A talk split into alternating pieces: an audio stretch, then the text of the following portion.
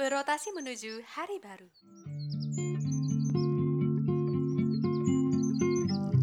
Sesaat lagi, kamu akan mendengarkan podcast Arunika. Selamat mendengarkan.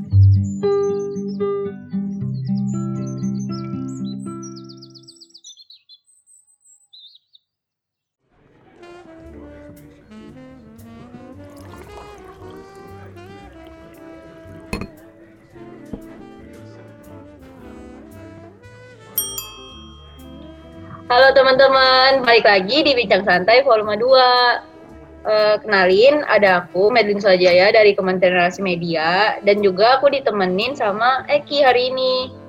Halo semua, kenalin aku Eki dari Relasi Media. Nah, kita masih sama kayak tadi nih, ada Radio Kampus, ada Persma, ada Boulevard, ada MG, ada LFM, sama ada 8EH. Nah, tapi yang kali ini kita mau ngomongin topik apa nih, Kak Madi? Nah, hari ini tuh kita bakal ngomongin tentang eh, permediaan di ITB, kayak ada apa aja gitulah di ITB, media-medianya gitu dari dulu. Mungkin buat lebih tahu jelasnya kita langsung ngobrol aja kali ya sama eh, perwakilan-perwakilan nih dari lembaga-lembaga media yang ada di ITB. Boleh Oh iya, banget, sebelumnya. Kak. Hmm? Iya, boleh banget. Oke, mungkin bisa kita mulai dari unit eh, ini dulu kali ya yang medianya tuh lumayan bervariatif gitu dari dulu. Mungkin bisa dari LFM dulu. Alia. Oh, halo. Eh, sorry kalau ada suara hujan, baru hujan tiba-tiba. Eh, kalau buat permediaan di ITB sendiri, eh, kalau LFM itu kan perannya di permediaan di eh, di ITB itu lewat dokumentasi gitu kan. Jadi kita ada namanya dokumentasi sosial alias doksos.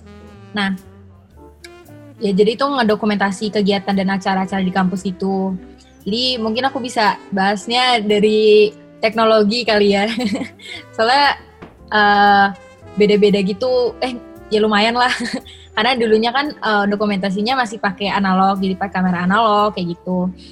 Eh, bahkan ada juga di LFM masih ada roll-rollnya gitu, ada ada yang buat video juga. Terus kalau sebenarnya LFM sendiri awalnya sih mulai dari pemutaran gitu bukan kayak kita dari mendokumentasi acara. Jadi kita ada pemutaran mungkin kalau ada yang tahu yang di ruang 909 itu. Nah kalau di zaman yang sekarang sih ya jadinya serba digital sih. Semua juga pasti tahu kan. Jadinya eh, kalau buat pakai analog tuh mungkin beberapa orang masih masih dipakai cuman bukan jadi kayak pilihan utama gitu dipakainya juga paling kalau ada yang hobi dan pengen make gitu atau mau belajar. Jadi pakainya sekarang ya jadi pakai kamera, pakai HP juga kita kita semua udah pada bisa juga. Uh, terus yang kayak arsip-arsip foto yang lama yang dari analog tuh didigitalisasi juga. Terus paling ya kayak ini semua orang pasti ngerasain sih teman-teman juga pada ngerasain yang sekarang jadi zaman sosmed gitu. Jadi ya positifnya kita bisa nge-reach lebih banyak orang gitu kan dan aku rasa sih dengan sosmed ini permediaannya jadi bisa lebih eksploratif gitu dan bisa dilihat lebih banyak sama mas kampus dibanding dulu gitu sih. Oke, makasih Alia. Nah, tadi kan udah denger nih dari LFM. Eh, sekarang aku mau denger dari eh, Boulevard dong, boleh Boulevard. Ceritain tentang perkembangan media di Boulevard sendiri gimana? Oke, jadi aku cerita-cerita dikit ya eh, tentang perkembangan media di Boulevard. Jadi eh, Boulevard tuh sekarang sebenarnya udah lama banget eh, formatnya majalah. Jadi kita tuh ada kumpulan tulisan, isinya ada liputan utama, ada eh, yang kontennya santai-santai kayak review dan sebagainya. Terus eh, emang biasanya identik dengan ini sih, ada eh, gambar-gambar visual atau artistiknya gitu. Tapi itu sebenarnya kalau uh, di trace balik lagi gitu kayak di awal-awal tuh kita bentuknya bener-bener jurnalistik aktivis banget gitu lah pokoknya. Soalnya berdiri kan tahun 1993an kalau nggak salah terus kayak itu tuh pertama kali Boulevard dibikin tuh sebenarnya buat ini apa kayak propaganda mahasiswa gitulah terus isinya itu di zaman-zaman kayak ada mahasiswa meninggal pas osjur terus masa-masa banyak birokrasi segala gitu kan.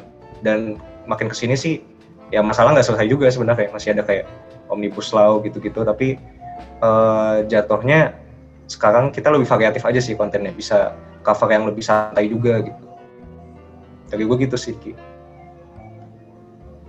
Nah, hmm, barusan nih udah dengar cerita sejarah singkat gitulah tentang unit Boulevard.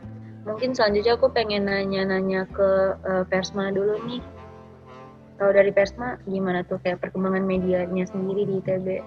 Oke uh, oke. Okay. Jadi kalau Persma tuh sebenarnya kayak dulu tuh sempat ada, aku lupa ya kapan tepatnya, tapi dulu sempat ada, tapi terus hilang gitu selama beberapa tahun. Tapi di reinvent gitu sama namanya Kak Hussein, terus dia kayak uh, sudah dikenal banget lah sama angkatan-angkatan selanjutnya sampai angkatan aku sekarang. Nah Kak Hussein ini uh, ngebikin lagi Ganesha Post pas tahun 2011 gitu, terus uh, akhirnya sampai sekarang juga Ganesha Post kayak uh, apa ya identiknya tuh oh kayak sama koran gitu. Padahal sebenarnya kita juga nggak koran-koran amat gitu. Sekarang uh, sama kayak mungkin Boulevard juga kita jadi lebih apa ya lebih variatif juga isinya. Nggak cuma kayak oh berita-berita yang serius berita-berita kampus tapi juga kita nggak cover berita luar.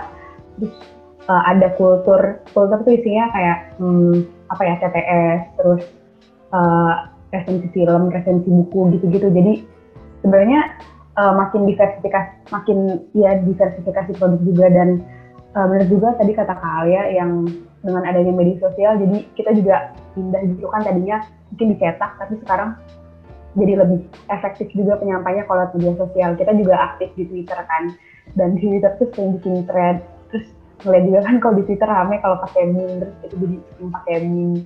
Jadi ya menyesuaikan juga sama media apa ya, media sosialnya gitu. Kalau di Instagram kayak gimana, kalau di Twitter kayak gimana, dan kalau di website kayak gimana, kayak gitu. Oh ya, mau nambahin dong kak, boleh nggak? Boleh, silakan. Boleh, boleh. Oke, baik. Jadi itu mungkin uh, aku juga agak menjawab uh, apa ya mungkin beberapa orang kayak bingung apa sih bedanya Boulevard sama Persma sekarang. Ini ini menurut aku ya. Ini kalau kalau misalnya nanti uh, lu ada beda-beda dikit, uh, kayak bedanya tuh dia udah udah udah nggak ada gitu, udah kayak tipis banget gitu. Bedanya di cara kita ngebawain berita dan berita apa yang diangkat gitu. Misalnya. Uh, waktu itu Boulevard tuh bikin majalahnya yang tentang multi kampus, sedangkan Kesma waktu itu nggak terlalu banyak bahas multi kampus, kita bahas apa ya dulu, lupa. Pokoknya uh, bedanya di topik yang diangkat dan di pembawaannya aja gitu, mungkin angle-nya kalau dari Persma tuh dari apa gitu, kalau di Boulevard dari apa mungkin kalau saya bahas hal yang sama, jadi kayak tergantung aja gitu, tergantung orang yang lihat itu kayak gimana gitu, gitu guys.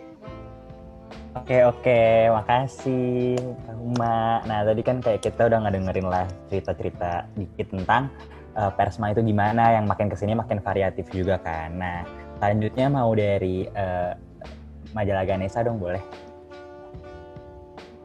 Oke, dari majalah Ganesha. Dulu tuh uh, latar belakangnya ya dari mungkin yang pertama dari uh, sikap represif Orba. Terus kedua uh, yang gerakan mahasiswa itu eksklusif, jadi kayak nggak membaur ke masyarakat. Jadi MG tuh mau apa yang membuat unit yang bisa uh, berorganisasi gerakan buruh gitu pertamanya. Aku sambil baca juga, soalnya aku baru baru baru baru tahu juga soalnya gitu kan awal-awal MG gimana. Terus uh, dulu tuh MG punya apa ya slogan tuh kritis dan menggerakkan. Sekarang diganti sama salam pembebasan. Terus uh, sebenarnya MG sama KSSP tuh dulu unitnya beda, unit yang berseberangan tapi beda. Terus sekarang dijadiin satu karena mungkin visi dan misinya udah mulai sama gitu. Kalau misalkan ngelihat uh, sekarang uh, MG itu lebih apa ya eskalasi isu tentang uh, in, di dalam kampus. Terus juga uh, bisa ngebawa isu-isu nasional untuk uh, nyadarin uh, masa kampus tentang gimana sih uh, keadaan di luar sana biar nggak terlalu nggak tahu juga gitu loh. Seenggaknya tahu gitu kan. Terus uh, apa ya mungkin kalau dari platformnya MG tuh mau aktifin lebih aktif di Twitter sama websitenya sih kalau Instagram kan udah mulai udah mulai aktif ya, cuma yang dua itu sih, Twitter sama website. Itu aja dari MG. Oke, makasih Mei penjelasan singkatnya nih tentang uh, eh, MG dan juga sejarah permediaannya. Next nih kita masih punya sisa dua unit radio nih. Mungkin bisa dimulai dari 8 dulu. Gimana nih kayak sejarahnya atau mungkin ada cerita-cerita unik gitu dari Lapaneha. Oke. Oke, jadi kalau misalnya Lapaneha itu awalnya kan emang radio penelitian gitu kan. Terus setelah berubah dari radio penelitian, berubahlah menjadi kegiatan mahasiswa. Terus di situlah mulai yang is- istilahnya kegiatan uh, mahasiswa tuh udah mulai bisa aktif uh, selain buat menghibur mahasiswanya, tapi juga berjurnalistik juga lah di Lapaneha pada saat itu juga. Terus hingga masuk zaman-zaman Orde Baru gitu kan di tahun 80-an, Lapaneha tuh mulai tuh mengarah ke arah eh, politik-politikan lah istilahnya. Jadi Lapaneha tuh mendukung mahasiswa untuk istilahnya melawan Orde Baru kayak gitu dan akhirnya sampai waktu itu Lapaneha nyiarin buku putih perjuangan. Terus eh, waktu itu emang Lapaneha tuh jangkauannya tuh luas banget kan kayak gitu karena nggak tahu lah alumni alumni tua. Terus habis itu eh, setelah buku putih itu terpaksa dibubarin gara-gara kampusnya didudukin kan waktu itu sama TNI. Terus akhirnya setelah vakum tuh sama 20 tahunan kurang lebih akhir tahun 2000 kita Lapaneha balik lagi gitu kan. Dan dan saat itu uh, kondisi udah mulai berubah tuh yang namanya dulu mah kan radio mah bebas ya frekuensi mah Lapaneha tuh dulu pakai frekuensi bebas bebas aja. Tuh sekarang jadinya dibatasin kayak gitu-gitu. Dan akhirnya mencoba untuk menyesuaikan lah dengan zaman sekarang. Terus sampai akhirnya sekarang Lapaneha tuh uh, istilahnya nyatek lain gitu ya Radio TM Music Station jadi emang Lapaneha tuh pengennya uh, bisa jadi apa ya radio yang selain menghibur doang dengan musik dan konten-kontennya juga pengennya tetap mengedukasi kayak gitu sih kalau di Lapaneha sekarang gitu Met cerita di Lapaneha ya Oke, makasih Sof ceritanya tentang EHA. Selanjutnya nih, kalau misalnya dari radio kampus, gimana nih sejarahnya? Gitu. Oke, makasih Matt. Oke, just sebenarnya kalau dari Radio Kampus ITB itu sendiri eh, berdiri tuh sebenarnya sekitar 9, eh, 1999 gitu ya. Di mana tujuannya eh, untuk eh, menyuarakan informasi-informasi sivitas akademika yang ada di kampus ITB. Jadi emang dulu tuh kayaknya emang fokusnya tuh emang internal ITB aja nih gitu kan. Di mana eh, dulu tuh sempat eh, awalnya emang udah streamingnya lewat internet, terus habis itu coba lewat ke FM juga. Habis dari FM sempat dulu tuh sampai di eh, kantin di Kokesma kalau nggak salah ya. Kalau nggak salah tuh sempet da- jadi kayak radio on kantin gitu. Jadi kayak disiarinnya eh, di kantin-kantin gitu. Jadi kayak live-nya tapi langsung didengerin sama mahasiswa juga gitu. Terus akhirnya eh, sekarang pindah lagi ke FM terus pindah lagi ke internet eh, ke internet eh, ke internetnya langsung gitu kan. Terus itu sih sebenarnya kalau perkembangan gitu. Cuma kalau misalnya sekarang ya bener sih sebenarnya setuju juga sama teman-teman yang lain gitu ya. Apalagi lagi kayak lagi kondisi sekarang ini di mana kita pasti semua bakalan pindah juga kan ke digital gitu. Jadi kayak semua dicoba semua eh, apa aja nih dicoba gitu kan. Kayak jadi wadah buat eksplorasi juga sih eh, kebetulan di eh, kepengurusan tahun ini gitu kan. Jadi kayak banyak eksperimen-eksperimen lah intinya gitu sih. Nah, oke. Barusan nih kita udah dengerin nih 6 sejarah dari unit-unit media gitu di ITB. Ya mungkin sebenarnya masih panjang gitu. Cuma ya inilah glimpse-nya gitulah dari unit-unit media itu. Oke. Mungkin untuk volume 2 ini sampai di sini aja. Terima kasih teman-teman. Sampai jumpa di episode selanjutnya. Dadah. Dadah.